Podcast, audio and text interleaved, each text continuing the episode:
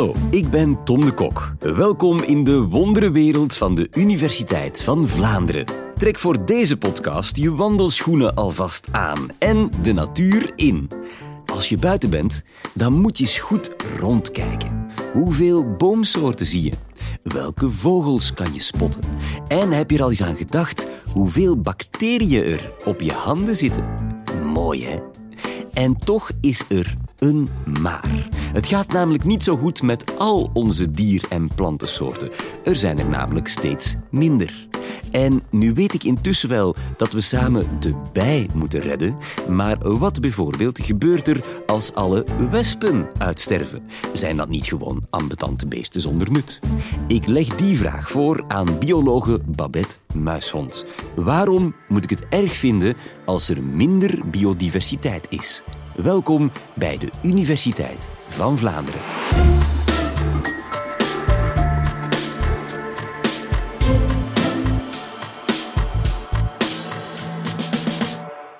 Het is zomer.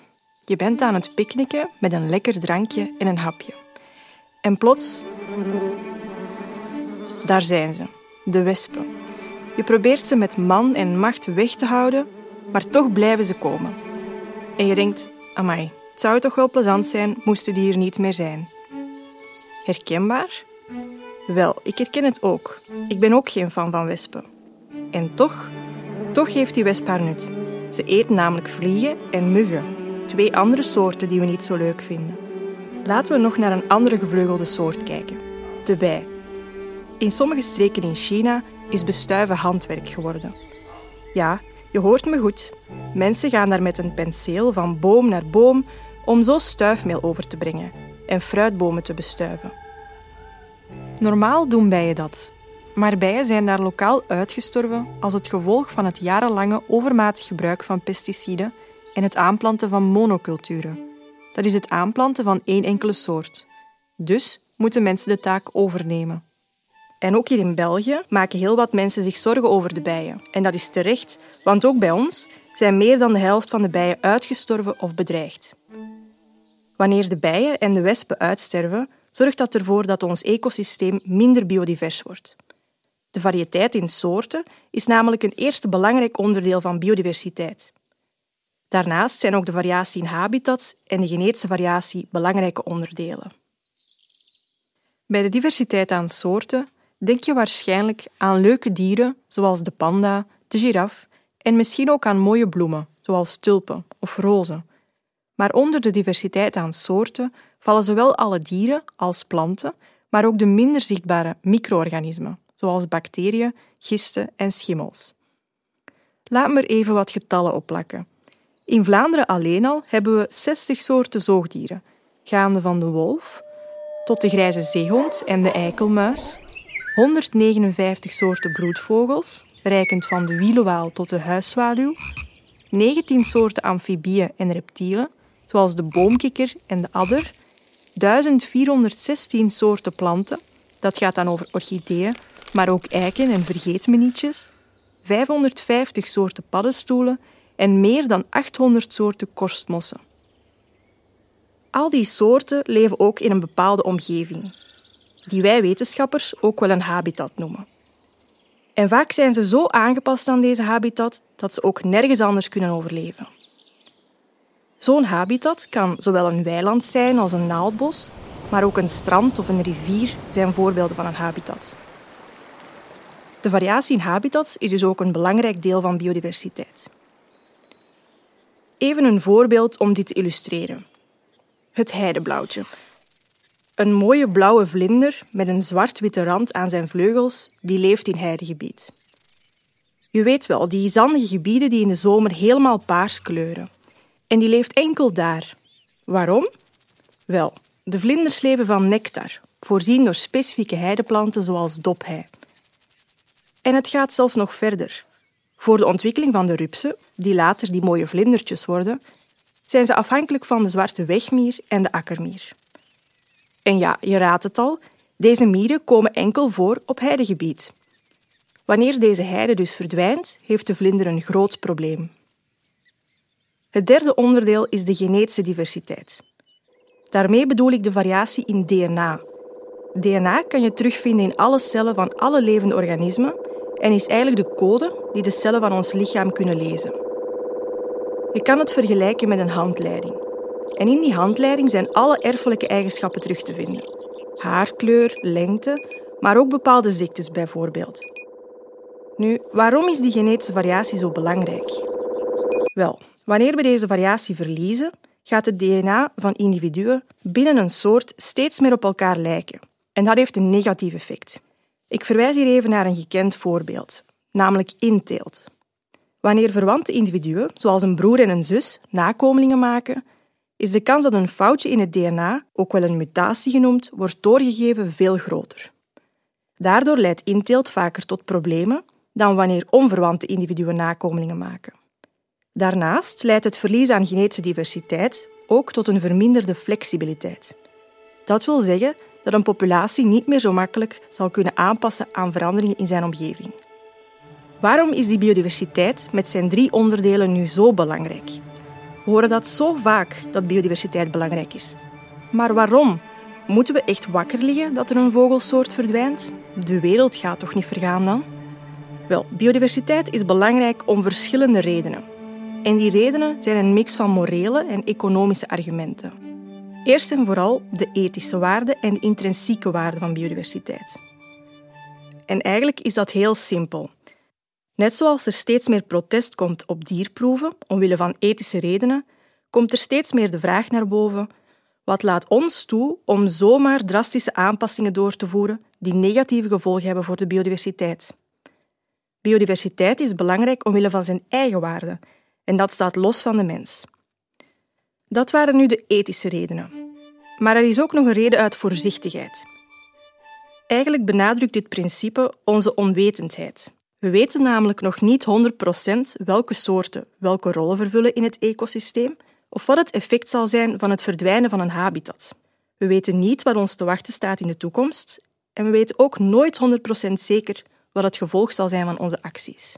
Daardoor moeten we dus heel voorzichtig zijn en onze biodiversiteit zo goed mogelijk beschermen. Bepaalde soorten of zelfs habitats of zelfs genen die we nu aan het verliezen zijn, kunnen namelijk later een belangrijke rol hebben of oplossingen bieden voor nieuwe uitdagingen, zoals klimaatverandering. Dit wordt ook wel het voorzorgsprincipe genoemd. Daarnaast is er de gemeenschapsstabiliteit.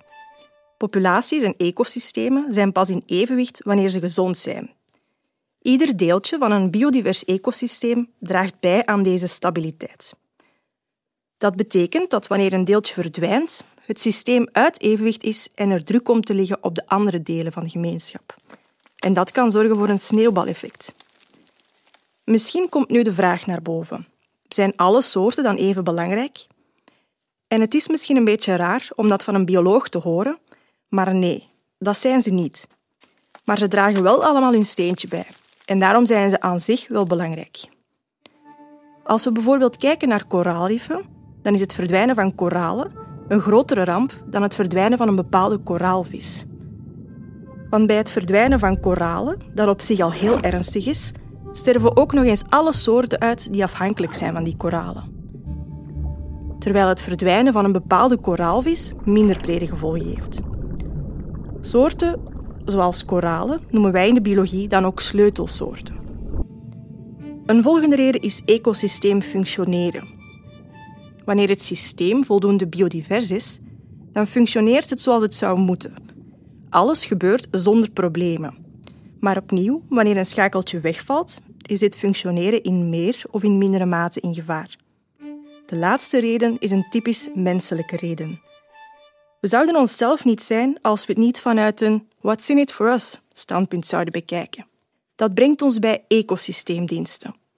Dat zijn voordelen of diensten die natuur ons brengt zonder dat we er iets voor moeten doen. Op voorwaarde natuurlijk dat er een voldoende biodivers en dus stabiel en normaal functionerend ecosysteem is. Wetenschappers onderscheiden verschillende soorten ecosysteemdiensten. De eerste zijn de ondersteunende diensten. Dat zijn eigenlijk de diensten die alle andere diensten ondersteunen, zoals bijvoorbeeld de vorming van bodem. Als tweede zijn er de producerende diensten. Zij voorzien ons met bepaalde grondstoffen, die wij gebruiken om levensnoodzakelijke behoeften te vervullen. Een voorbeeld hiervan is ons drinkwater.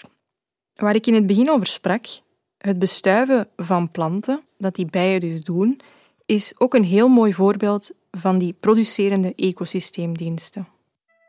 Daarnaast zijn er de regulerende diensten.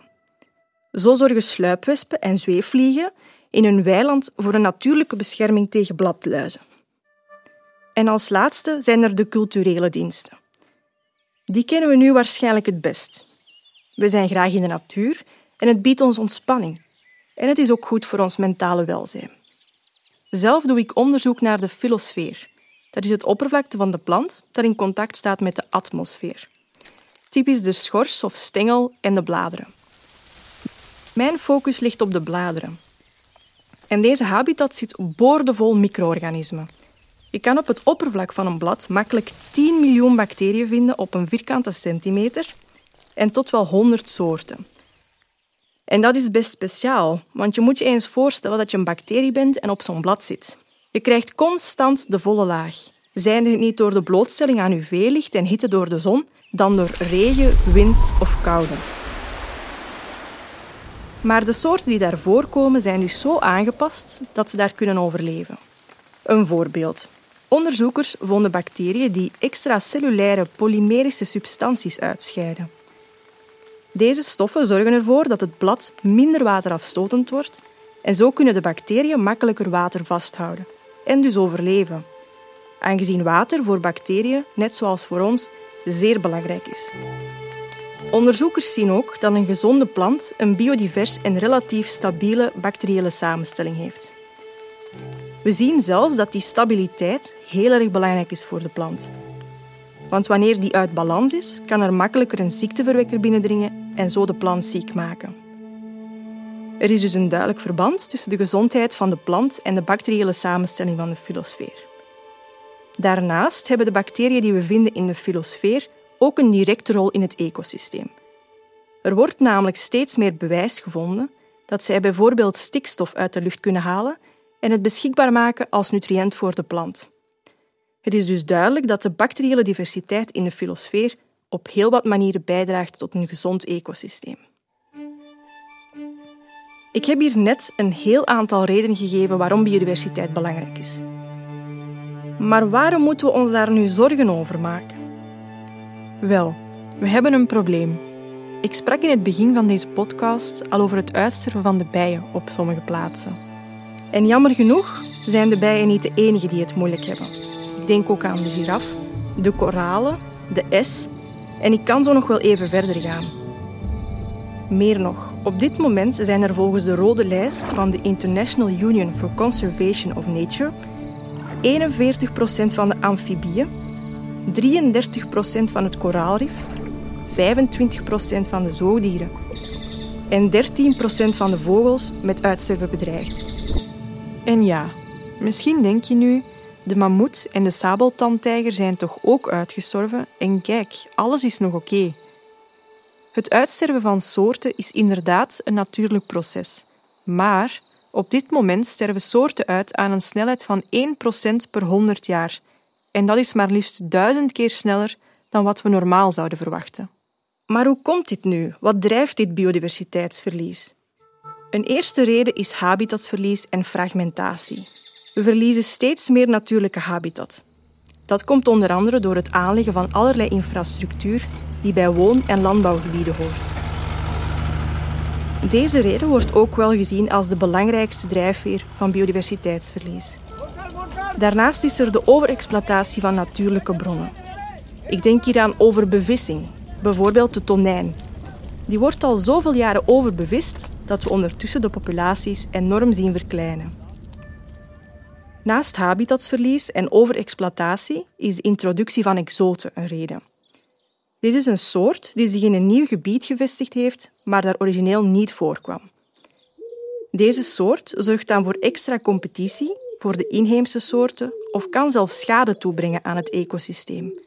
Dat kan een natuurlijk proces zijn, zoals bij de Turkse tortel, of dat kan gebeuren door handel. Ik denk maar aan de Chinese wolhandkrab, die met het ballastwater van een schip meekwam. Maar steeds vaker is het het gevolg van klimaatverandering. En dat is meteen de volgende reden voor die verandering in de biodiversiteit.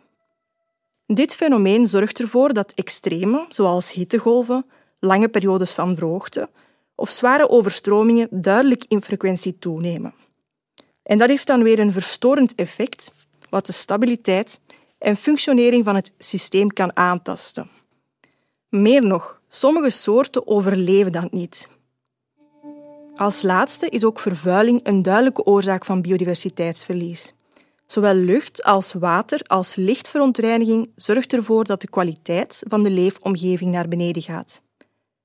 Opnieuw nefast voor de soorten die hierin leven. Al deze redenen, ik vernoem die hier één per één, maar die staan natuurlijk niet los van elkaar.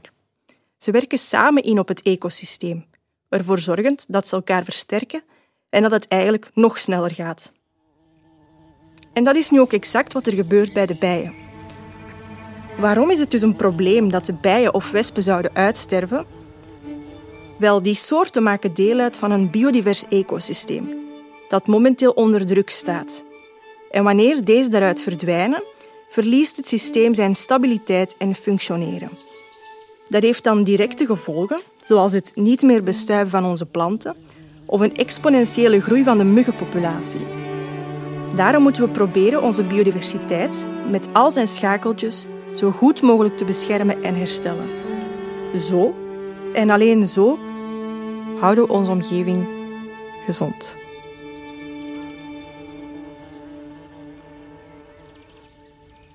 Dankjewel, Babette. Wat interessant. Wat denk je, wordt het onze toekomst ook hier in België dat we de kersenboom in onze tuin met een penseeltje moeten bevruchten? Laten we hopen van niet. Maar um, het zit er dik in. Want zoals ik al in het begin zei, de helft van de bijen is ook al hier met uitsterven bedreigd. Ja. En er zijn ook steeds meer ziektes die de bijen gaan um, beïnvloeden. Dus het is zeker geen ver van ons bedshow zijn we wat biodiversiteit betreft uh, te gefocust op die, de posterboy-soorten die jij al aanhaalde, de giraf en de panda. Maar jij bent met, ja, met de, de, de filosfeer bezig, hè? dus met die kleine bacterietjes op dat, op dat kleine blad die je alleen door die microscoop kan zien. Moeten we daar meer aandacht voor hebben? Is dat een eigenlijk prangender probleem dan de panda? Dat is eigenlijk een goede vraag. Van de panda weten we het op dit moment. Hè? Het gaat daar niet goed mee. Van die bacteriën weten we het eigenlijk niet, want het is nog maar de laatste jaren dat we daar naar aan het kijken zijn. En ik denk zelf dat die, dat die bacteriën wel eens een grotere schat zouden kunnen gaan bieden in biodiversiteit en oplossingen naar klimaatveranderingen toe dan die panda. Dus ik denk het wel dat we daar misschien meer moeten naar gaan kijken. Ja. Bacteriën zijn net iets minder schattig om naar te gaan kijken in de zoo natuurlijk. Is dat ook een probleem? Dat is zeker en vast een probleem. En corona helpt niet. Ik, ik vroeg me ook af, hoe breng jij je dagen door? Is dat in het bos tussen de blaadjes of is dat gebogen over de microscoop in het lab? Wel, dat is wat ik zelf zo fantastisch vind aan mijn onderzoek. Hè. Ik sta zowel naast bomen en planten als dat ik in het lab zit met mijn labojas aan en met de pipet in de hand. Dus uh, mijn onderzoek is echt een toffe mix van beide. Kan biodiversiteit zich even makkelijk herstellen dan dat het verdwijnt? Tot op een bepaald punt wel. Maar als we, we zien dat als we naar soorten kijken, als die onder een bepaalde grens van de grootte van een populatie komen, dan is het heel moeilijk om dat herstel nog vanzelf te laten gebeuren. Maar bijvoorbeeld, in, ik denk maar aan Plankendaal en Peridaisa, daar zijn heel veel kweekprogramma's bezig voor bijvoorbeeld uh, de giraf bijvoorbeeld, dat is nu een voorbeeld dat ik heel goed ken. Daar zijn ze echt aan het kweken om die giraffenpopulatie terug te doen stijgen en eventueel zelfs terug in het wild te gaan uitzetten, zodanig dat we dat toch een beetje kunnen terug doen stijgen en boven die kritische drempel te, te laten gaan. Ja. En kunnen we dat ook doen met jouw bacteriën? Wel, bacteriën, het, voorbeeld daar, allez, het, het voordeel daaraan is dat je die in een petrischaaltje kunt kweken. En als we die morgen terug moeten in, in aantallen doen reizen, dan is dat heel gemakkelijk. Als je één soort zou moeten redden, welke zou het dan zijn? Je moet kiezen. Heel simpel, de giraf. maar daar denk ik dan van, van ja, de giraf, ja, mooi, maar hebben we daar ook iets aan? Ja, uiteraard. Hè. Zoals ik daarnet al zei, iedere soort draagt zijn steentje bij. En de giraf die gaat dan weer zorgen dat bepaalde boomsoorten niet exponentieel kunnen toenemen in de savanne. Dus ja, uiteraard. De giraf mag blijven. Ja. Dankjewel Babette Muishond voor zoveel leuke en ook nuttige weetjes over biodiversiteit. Als je er nog meer over wil weten, check dan zeker ook onze podcast met Erik Matthijssen over de vraag of we uitstervende dieren moeten redden. Heel graag tot een volgende keer.